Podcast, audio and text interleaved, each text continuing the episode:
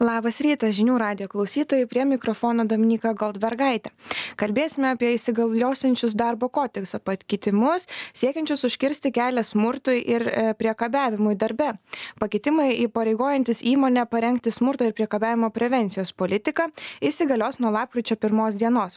O plačiau apie tai papasakoti ir paaiškinti procesus su mumis prisijungusi valstybinės darbo inspekcijos, psichologinio smurto darbe prevencijos skyriaus vedėja, vyriausiai darbo inspektorė Liudmila. Liudmila Mironovienė. Labą dieną, ponė Mironovienė. Labadiena. Tam, kad įmonių darbdaviams pavyktų sėkmingai parengti smurto ir priekabiavimo prevencijos politiką, savo darbovietėje parengėte metodinės rekomendacijas, iš esmės e, pateikiant darbdaviams išsame informaciją apie tai, kaip atpažinti smurtą ir priekabiavimą e, darbo vietose, kaip šias grėsmės valdyti, taip užtikrinant darbuotojams saugę ir pagarbę darbo aplinką. E, jeigu pradėti taip trumpai, nusakant, kas turi nugulti toje prevencijos politikoje ir kas turi būti joje nurodyta Taip, iš tikrųjų, daugelis žino, kad nuo lapkričio pirmos įsigalioja ilgai laukti darbo kodekso 30 straipsnio pakeitimai, kurie ne tik apibrėžia smurto ir priekabiavimo savokas, bet ir numato papildomas darbdavio pareigas siekiant užkirsti kelią smurtui ir priekabiavimo darbe. Tai kalbant apie politiką, kurią įpareigotas parengti visos įmonės turinčios daugiau kaip 50 darbuotojų turėtų savo toj politikoj numatyti tiek e, e, turi numatyti smurto ir priekabiavimo atpažinimo būdus, galimas smurto ir priekabiavimo formas, supažindinimo su smurto ir priekabiavimo prevencijos priemonėmis tvarka, pranešimų apie smurtą ir priekabiavimą teikimo ir nagrinėjimo tvarką, taip pat e, elgesio taisyklės ir kitą informaciją susijusią su smurtu ir priekabiavimu. Taip, tai vėliau mes e, tą dar šiek tiek aptarsim, o dabar jūsų manim, ką tokia įsidėgiama politika duos tai darbo aplinkai, ar jį leis kažkaip nubausti smurtautoją, ar leis išspręsti tam tikrus konfliktus kylančius darbe, ką tai duos? Smurto ir priekabiavimo prevencija tai yra vienas iš efektyviausių būdų užtikrinti, kad darbuotojai ar jų grupė nepatirtų priešiškų, neetiškų, žeminančių, agresyvių, užgaulių, įžeidžiančių veiksmų, kuriais kėsinamas į darbuotoją, darbuotoją ar jų grupės garbę ir orumą. Tai pradėkim nuo to, kad tai, kadangi smurtas ir priekabiavimo a priori yra neigiamas neigiamas veiksnys kuris veikia tiek patį darbuotoją tiek jo fizinę ir psichologinę būklę tiek ir jisai yra neigiamas pačios įmonės įmonės produktyvumui. Tai su priekabiavimu smurtu reikia kovoti. O kaip tai kovoti? Tai yra būtent e, užkirsti kelią tam smurtui ir priekabiavimui kilti. Taigi prevencija tai yra pagrindinis ir vienas iš veiksmingiausių būdų užtikrinti šitą šitą draudimą šitą galimybę pasireikšti smurtui ir priekabiavimui todėl darbdavys turėtų politikoj aiškiai apibrėžti ir kas yra smurtas kas priekabiavimas kokios yra nepriimtinos elgesio taisyklės kur darbuotojas turėtų kreiptis patyrus tą nepriimtiną elgesį koks yra kok kok darbdavys turi numatyti kokių veiksmų imasi toliau darbdavys gavęs tokį pranešimą apie darbuotojo patiriamą smurtą arba priekabiavimą. Iš tikrųjų tai yra dokumentas kuriame kurį paskaičius kiekvienam eiliniam eiliniam darbuotojui turėtų būti aišku kokių ko iš jo tikimasi koks jo elgesys yra priimtinas nepriimtinas o atitinkamai smurtaujančiam galbūt ir atpažinti savo elgesį.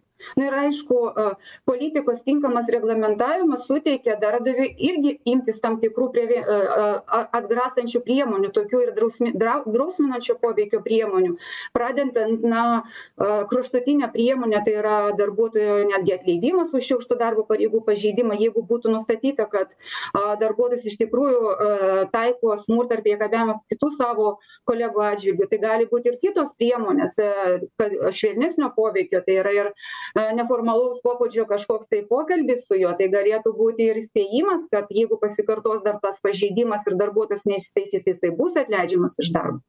O ar yra numatyta kokia pagalba turėtų būti suteikta patyrusiems smurtą darbe būtent pats darbdavys ir turi numatyti tą pagalbą nes tokių pagalbų kiekviena įmonė iš tikrųjų suprantat į į iš karto įrašyti į vidinius teisės aktus visas įmanomas pagalbas. Galbūt ir būtų galima bet ar tai įmanoma tai e, vargu.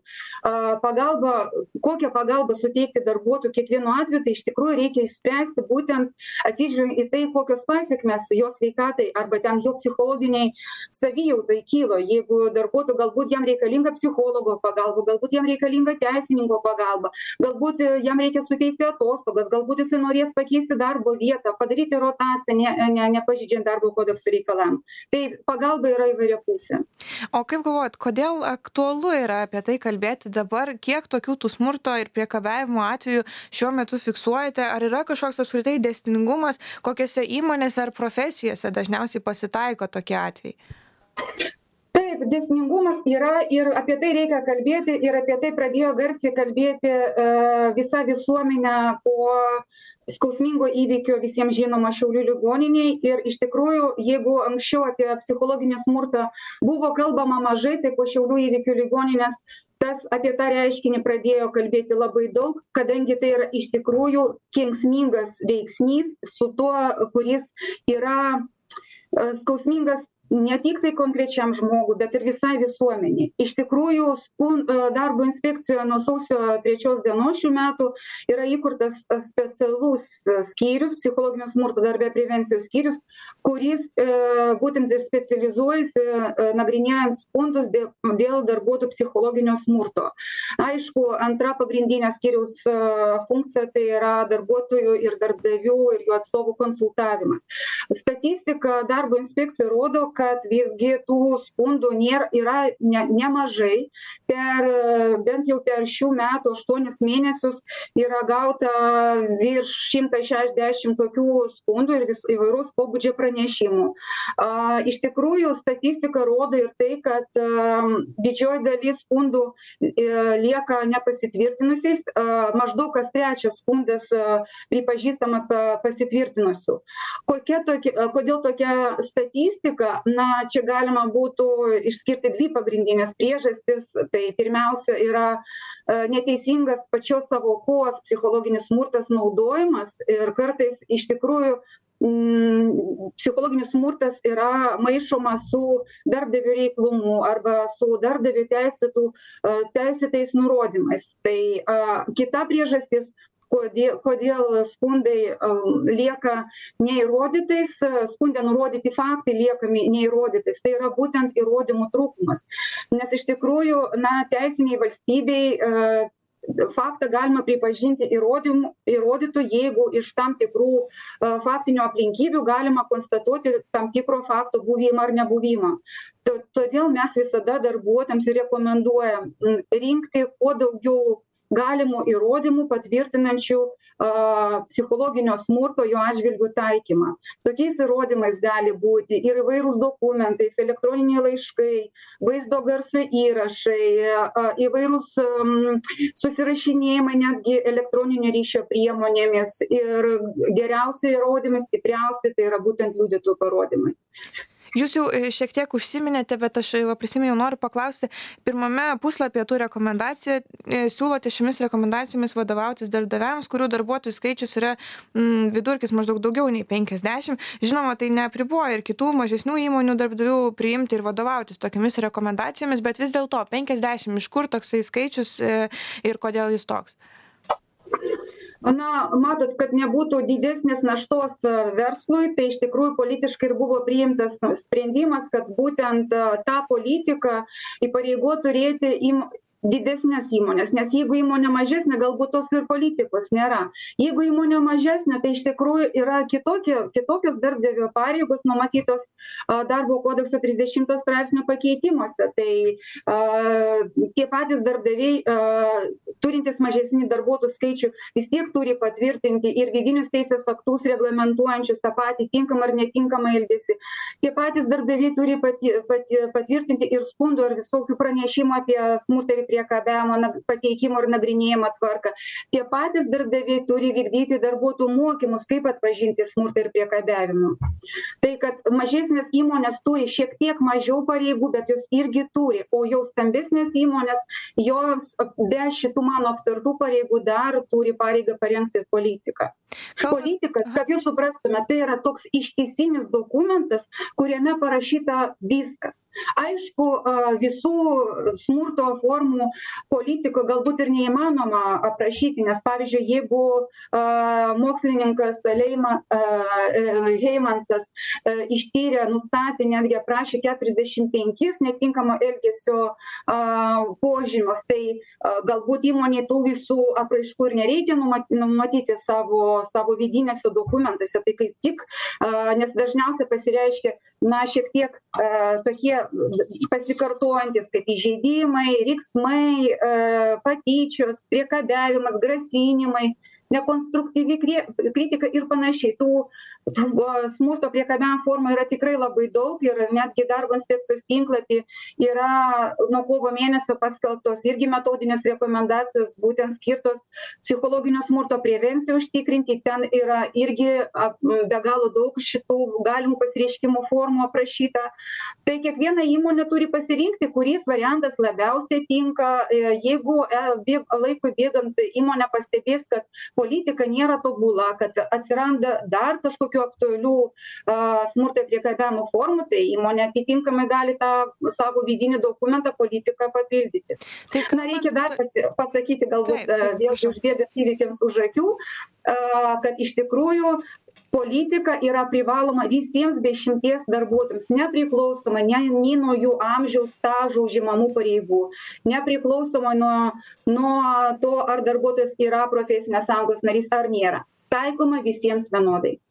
Tai kalbant apie tuos darbuotojus jūs nuomone kaip apskritai darbe turi jaustis darbuotojas ir kokios galbūt yra tokios nu nustatytos elgesio taisyklės darbo etika darbe kas liečia etikos taisykles iš tikrųjų įmonė turi aiškiai savo tvarkoje nustatyti koks elgesys yra priimtinas ir nepriimtinas. Ir be abejo kad tas elgesys a tos tomis taisyklėmis reikia vadovautis tiek pačiam direktoriui tiek visiems eiliniams darbuotojams. A kartais praktikoj mes girdim ne elgesio taisykles o mes girdim sąvoką etikos taisyklės. Tai iš tikrųjų būtent darbdavys kuris užduoda toną nustato nustato darbo kultūrą nes vėlgi kokį toną užduos darbdavys ir ko kaip jisai demonstruos ir leis vystytis kokiai kultūrai jo vadovaujamai įmonei tai bus pavyzdys ir kitiems darbuotojams. Jeigu darbdavys leidžia keiktis pavyzdžiu tai atitinkamai ir nedraudžia nedraudžia šito veiksmo ir dar darbuotojai matydami tą patį pavyzdį lygiai taip pat gali elgtis. Tai vat etikos taisyklėse elgesio taisyklėse ir reikia nustatyti koks tinkamas elgesys koks priimtinas elgesys ir atitinkamai reikėtų nustatyti koks nepriimtinas elgesys. Pavyzdžiui kokios yra nepriimtinos elgesio išraiškos tai yra kokie gestai galbūt žodžiai komentarai elgesys ar kiti veiksmai yra nepriimtini netoleruotini ir sukuria žeminančią įžeidžiančią darbinę aplinką. Nes vienoj įmonėj nustatyta viena darbo kultūra. Kitoj galbūt tai kultūra netinka. Tai viskas priklauso nuo darbdavio užduoto tono Tai man atrodo, ir jūs jau paminėjote, kad tas ir turėtų nugulti e, politikoje, kad e, kalbant apie smurto ir priekabavimo prevenciją, turbūt labai yra svarbu apsibriežti tas savokas ir kaip mes jas naudojame. Tai gal tą ir pabandykim trumpai padaryti. E, dabar jūsų parengtose rekomendacijoje yra e, ne, ne ką mažiau turbūt ir svarbus kitose Lietuvos įstatymuose e, minim, minimos savokos. Tai kaipgi vis dėlto apibriežti smurtą ir, ir priekabiavimą? Na, smurto ir priekabiavimo savokos apibriežti papildomą nereikia. Darbo kodekso pakeitimuose ta savoka atsiranda. Tai yra tiesiog bet koks nepriimtinas elgesys ar jo grėsmė. Nesvarbu, ar nepriimtino elgesio vieną kartą, ar pakartotinai siekiama padaryti fizinį psichologinį seksualinį ar ekonominį poveikį. Ar nepriimtino elgesio šis poveikis jau padaromas arba gali būt padarytas. Svarbiausias reiškia elges svarbiausias požymis tai yra nepriimtinas elgesys ar jo grėsmė. Kas yra tas nepriimtinas elgesys? Tai iš tikrųjų būtent darbdavys ir turi numatyti kas tas nepriimtinas elgesys nes iš principo pagrindinis požymis tokio elgesio nepageidavimas jį patiriančiam žmogui. Tai yra kiekvienas žmogus kuris taiko tam tikrą elgesį kito savo kolegos atžvilgiu turėtų pagalvoti kaip jisai jaustųsi toj vietoj. Aš visiems rengiant šitas rekomendacijas prisiminiau tokią universalią taisyklę. Elkis su kitu taip kaip norėtum kad būtų elgiamasi su tavim. Tai vat nepriimtinas elgesys jeigu kitam žmogui jisai yra tikrai e, ne yra nemalonus ir nepriimtinas ir e, tiesiog apriori tai e, ir toksai elgesys iš tikrųjų kelia grėsmę ir ir patenka į smurto priekabiavimo sąvokos apibrėžimą tai apskritai apsibrėžus turbūt ne ką mažiau yra ir žinoti kaip tą smurtą ar priekabiavimą darbo vietoje atpažinti. Nes įsivardijama kad yra keletos tos smurto rūšys gali būt ir psichologinis fizinis seksualinis. E, tai ir kai kurios jų tikriausiai na nesimato tai taip akivaizdžiai kad mėlynėmis ant kūno. Tai e, kokias galbūt yra sunkiausia atpažinti smurto formas darbe ir ir kaip tą reikėtų padaryti akivaizdūs psichologinio smurto požymiai kurie iš tikrųjų gali būt užfiksuoti tam tikrom priemonėm. Na pavyzdžiui jeigu yra a darbdavio balso kėlimas arba įžeidinėjimas ir panašiai tai yra tai ką galima iš tikrųjų užfiksuoti elektroninio ryšio priemonės tuo pačiu mobiliuoju telefonu padaryti garso įrašą. Tai yra tai kas iš tikrųjų yra e, lengvai užfiksuojama. Tuo tarpu yra tokios paslėptos formos kur iš tikrųjų a atrodo nekaltas nekaltas Mm, nekaltas elgesys bet jisai iš tikrųjų turi psichologinio smurto požymių kaip ir netiesioginė diskriminacija atrodo vienoda sąlyga teisėta darbdavio sąlyga teisėta sąlyga darbo sutartyje bet iš tikrųjų jinai e, taikoma tiktai vieno žmogaus atžvilgiu nu pavyzdžiui jeigu darbo sutartyje visiems nustatytas darbo laikas nuo devynių iki aštuonių iki šešių e, ir vieniems darbuotojams yra leidžiama laisvesniu laiku atvykti į darbą galbūt anksčiau išeiti tai vieno žmogaus atžvilgiu yra laikomasi griežtai būtent nustatytos taisyklės. Tai tas padidintas reik reiklumas vieno žmogaus atžvilgiu padidintas reiklumas ne reiklumas šiaip darb iš darbdavio pusės tai yra normalu.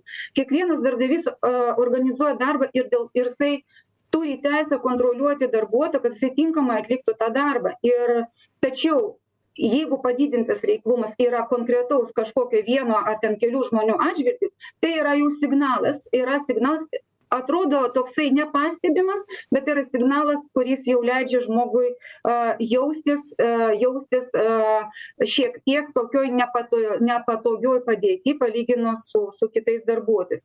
Tai vat kaip atpažinti būtent darbdavys ir turėtų nusimatyti savo politikoj tai pastebėjus kaip ir kam geriausia būtų apie tai pranešti ir apskritai reikia bijoti pasekmių e, to kad praneši apie tokį dalyką Pasiekmių bijoti nereikia, bet tam, kad pranešti iš tikrųjų reikia nesivadovauti vien tik tai savo, m, savo uh, subjektyviais įsitikinimais. Iš tikrųjų darbuotojus, na, mes rekomenduojam rinkti tuos įrodymus už kurių galima užsikabinti. Kas liečia pranešimą iš tikrųjų mes rekomenduojam ir taip jau yra nustatyta kad pirmiausia siū siūlome spręsti konfliktą viduje nes kartais tam tikra situacija tai nėra psichologinis smurtas tai yra eilinis konfliktas kurį galima išspręsti. Tai a nes konfliktai šiaip gyvenime tai yra nu normali proceso dalis neįmanoma dirbti be konfliktų. Bet tinkamai ir laiku valdomi ir sprendžiami konfliktai tai yra normalu. Tačiau jeigu konfliktai užsitęsia ir nesi ne nesprendžiami tai laikui bėgant atsiranda būtent psichologinio smurto kilimo pavojus. A tai darbu darbuotojas patyręs psichologinį smurtą arba smurtą arba tiesiog jaučia kad jam atrodo kad jo atžvilgiu yra taikomas netinkamas elgesys pirmiausia jisai turėtų pranešti apie tai savo tiesioginiam vadovui. Tai yra jeigu e, e, e, savo tiesioginiam vadovui arba jeigu tiesioginio vadovo nėra įmonės vadovui. Jeigu jeigu psichologinė jeigu darbdavys arba nesprendžia jau tos problemos viduje tai tada aišku visada dar rekomenduojame kreiptis į darbuotojų atstovus kurie yra įmonėj nes pirmiausia reikia spręsti problemą įmonės viduje taip skatinti socialinį di dialogą. Jeigu yra darbo taryba arba jeigu yra profesinė sąjunga darbuotojui reikia nueiti tenai. Galų gale įmonės labai dažnai a skyrė asmenį atsakingą už būtent prevenciją smurto prevenciją ir tas asmuo kuris į kurį galima kreiptis patyrus tam tikrą psichologinį smurtą arba priekabiavimą tai vėlgi aš kartoju jeigu darbuotojas turi jaučia kad jo atžvilgiu yra taikomas psichologinis smurtas pirmiausia jisai kreipiasi į savo įmonės į į savo tiesioginį vadovą arba įmonės vadovą. Jeigu išspręsti problemos viduje neįmanoma tai tada atitinkamai jisai gali kreiptis jau į išorės institucijas tai yra į darbo inspekciją arba net į darbo ginčų komisiją dėl turtinės arba neturtinės žalos atlyginimo. Tai ir pabaigai tada klausimas darbdaviams rengiant šią prevencijos politiką ir vadovaujantis pateiktomis rekomendacijomis į ką galbūt svarbiausia atkreipti dėmesį norint pasiekti geriausių rezultatų darbuotojams kiek svarbu į tos politikos formavimą įtraukti pačius darbuotojus Taip, darbo, į darbo, pačius darbuotojus įtraukti į politikos formavimą reikia būtinai ir darbo kodeksas tą numato, kad politika yra rengiama ir tvirtinama įvykdžius, įvykdžius informavimo ir konsultavimo procedūrą numatytą darbo kodekse. Tai čia tais atvejais, jeigu yra įmonė darbo taryba ar darbuotojų profesinė sąjunga, profesinė sąjunga arba darbuotojų patikėtinis, bet netgi tais atvejais, kai darbuotojų atstovų nėra, mes visgi rekomenduojam, kad prieš tvirtinant politiką darbdavys iš, išgirstų arba išgirstų eilinių darbuotojų nuomonę būtent dėl politikos turinio. Tai vėlgi, jeigu įmonė yra kažkoks tai vidinis intranetas, darbdavys galėtų paskelbti projektą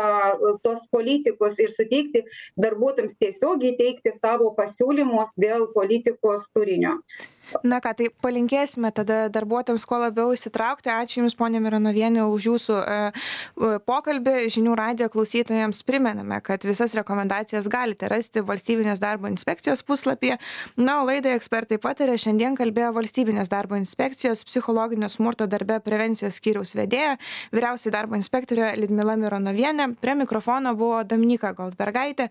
Likite prisijungę gražaus jums likusio savaitgalio